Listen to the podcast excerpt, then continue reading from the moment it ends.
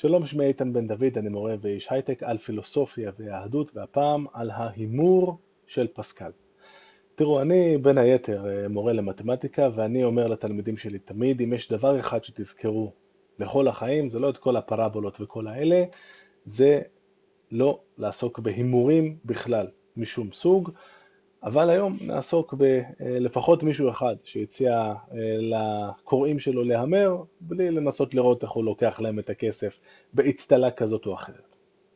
אז בשנת 1654, בלז פסקל, המתמטיקאי והפיזיקאי המבריק, שחרך את שמי המתמטיקה מאז גיל 16, עובר לילה של התגלות, ואחרי שעתיים של חזון באזור חצות וחצי, הוא כותב פתק שילווה אותו במשך כל חייו הוא תמיד יישא אותו בכיס, והוא כותב שם אש, אלוהי אברהם, אלוהי יצחק, אלוהי יעקב, לא האל של הפילוסופים והמלומדים, ודאות, ודאות, רגש, עושר, שלווה.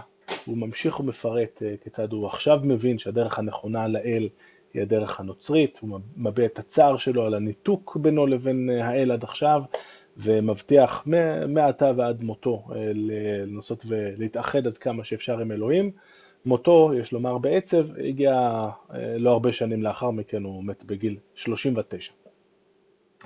אה, והוא באמת התעסק הרבה פחות במתמטיקה, הוא כן כתב את הספר הגיגים, שבעיני רבים מהווה את שיאה של הפרוזה הצרפתית. ובמסגרת הדיונים בספר, הוא בעצם מציב בפני הקוראים את ההימור שלדעתו הם חייבים לקחת, חייבים לבצע את ההימור הזה. וכך המתמטיקאי אה, שהניח את היסודות לתורת ההסתברות וההימורים, כש... והכל התחיל כשחבר אה, שאל אותו איך יהיה נכון והוגן לחלק את הכסף למשתתפים במשחק הקלפים 31, הגרסה הצרפתית לבלק ג'ק, שנעצר באמצע, הנה היה המצב של הקלפים, מה נכון לעשות. אז אותו מתמטיקאי שהניח את היסודות למסע, למדע ההסתברות וההימורים, מציג את ההימור שלדעתו כולנו חייבים לקחת. וההימור הוא מאוד פשוט, אנחנו חייבים, חייבים להמר אם יש אלוהים או אין אלוהים. ואנחנו אה, אמורים אה, לשקול את כל האפשרויות, וכמו מתמטיקאים טובים, אה, לחשב מה התוצאות, מה ההשלכות, או במתמטיקאית מה התוחלות של כל אחת מהאפשרויות, והתוצאה הולכת להיות ברורה מאליה לדעת פסקה. בואו נתחיל. יש לנו בסך הכל ארבע אפשרויות, לא יותר ולא פחות. מה קורה אם הימרנו שיש אלוהים אבל אין? קודם כל, לא קרה שום דבר נורא. נכון, נבלה בכנסייה קצת יותר שעות ממה שאולי היינו צריכים, אבל בסך הכל החיים במסגרת דתית אה, נוצרית הם אה, לא כאלה נוראים ובסך הכל הם די סבבה. בכל מקרה, המחיר שאנחנו עומדים לשלם הוא מחיר קטן ובעיקר סופי. לעומת זאת, אה, מה קורה אם אה, הימרנו שאין אלוהים ובאמת אין? אז אוקיי, אנחנו נחיה חיים פרוצים, נהנה מהנאות שהאורח החיים הזה טומן בחובו, אבל עם כמה נשים כבר נספיק להתעסק בחיינו הדי קצרים, וכמה סטייקים בשמנת אפשר לאכול עד הצנתור הבלתי נמנע, או כמו שאמר יוסי בנאי, הרי הבן אדם בשתי כפות לא יאכל. אז גם כאן, בסדר, אין לנו כמה תענוגות, אבל כמות התענוגות היא סופית, והסופיות הזאת היא שחשובה. אבל מה יקרה אם הימרנו שיש אלוהים, ואכן יש אלוהים? היינו נוצרים טובים, ווואלה, צדקנו.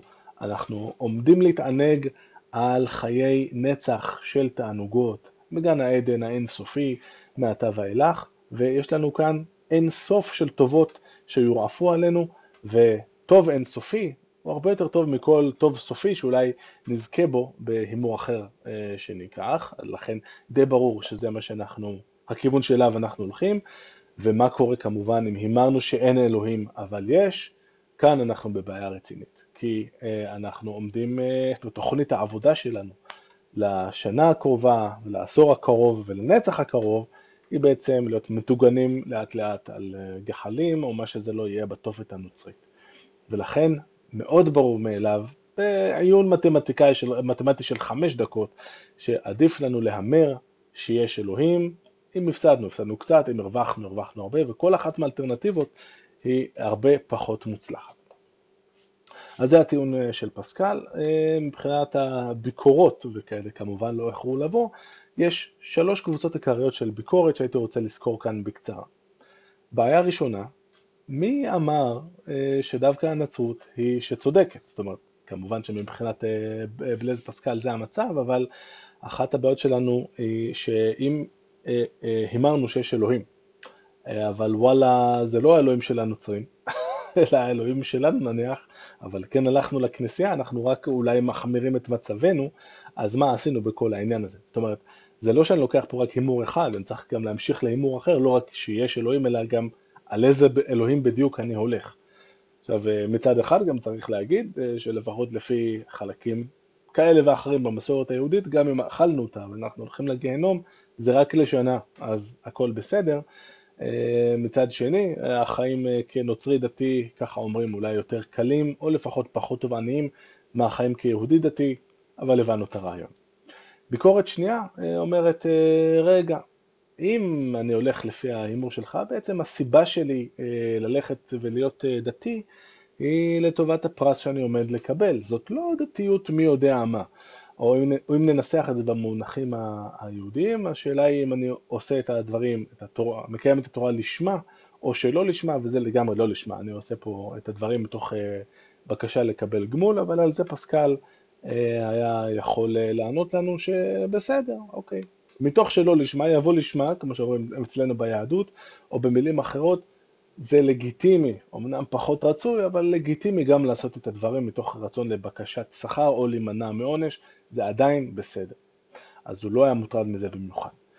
קבוצה שלישית אה, עשויה לבוא ולהגיד, אה, אדוני, אה, בואו נתמקד במושג האותנטיות. אל תלביש עליי את ההימור שלך, אני לא מעוניין להמר, תודה רבה. ועל זה פסקל אומר, תקשיבו, גם כשאתם בוחרים כאילו שלא להמר, זה גם החלטה. אז גם הימנעות לכאורה מההחלטה, זאת החלטה שאנחנו כן לוקחים. אתם יכולים לעשות את זה, אבל זה יהיה המעשה הלא רציונלי לעשות. ומה שמעניין כאן זה שאותו מתמטיקאי שנטש את המדע ובפתק שלו תיאר את, הרגשות העזים שאחזו אותו במהלך החזון הזה ועד יום מותו, עדיין פונה לרציונל שלנו. מבחינתו הרציונל והרגש הם היינו הך. אני רוצה ככה לסכם את הדיון ולומר שאני מאוד מחבב את ההצעה הזאת של פסקל משתי סיבות. א', אני מאוד אוהב טיעונים שאפשר לנסח אותם בדקה וחצי, אבל מסתתר מאחוריהם עולם שלם אה, של מחשבה, אה, וזה בעיניי בהחלט אה, אחד מהאירועים האלה.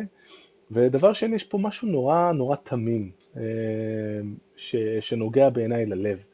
ובעולמנו זה, שוב נשים עליי את הכובע של המורה למתמטיקה, שבו אנשים הולכים להימורים כי זה נותן להם אשליה מאוד אה, שגויה, כן, של הסיכויים שהם הולכים להתעשר ולפתור את כל הבעיות שלהם אחת ולתמיד, כאילו כסף אי פעם פתר את הבעיות של אה, מישהו, אה, ובעולם שבו לוקחים מאנשים 9 מיליון דולר, 9 מיליון שקל בשנה, כל מיני מוסדות כאלה ואחרים של המדינה, ושופכים 60 מיליון שקל על פרסום שמכוונים לאותה אוכלוסייה לא מאוד מתמטית ולא מאוד משכילה, יש משהו נוגע ללב אה, במישהו שמציע לנו את ההימור הזה, מתוך זה שבסופו של דבר הוא אוהב אותנו ורוצה בטובתנו. עד כאן להפעם להתראות.